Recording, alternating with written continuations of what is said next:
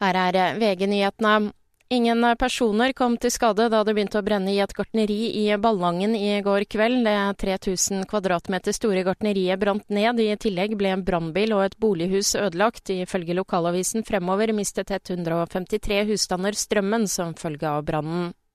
President Volodymyr Zelenskyj toner ned betydningen av Ukrainas tap av byen Avdivka. Russiske styrker tok kontroll over byen i forrige uke. I et intervju med Fox News sier Zelenskyj at de har tatt tilbake Kharkiv-regionen og opphevet blokaden av Svartehavet de siste to årene, mens russerne bare har tatt dette stedet og spør retorisk til hvilken pris. Analytikere mener at russernes erobringer gir Moskva tid til å fortsette planen om å erobre resten av regionene Donetsk og Luhansk. Reporter Frode Sti.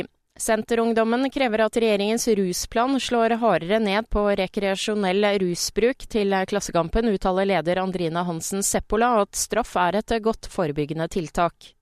Et redningshelikopter og en redningsskøyte er sendt til Skudeneshavn på Karmøy etter at to fartøy i nærheten observerte nødbluss i området. I tillegg søkes det fra fartøyer til sjøs. I studio Kristin Strand, nyhetene får du alltid på VG.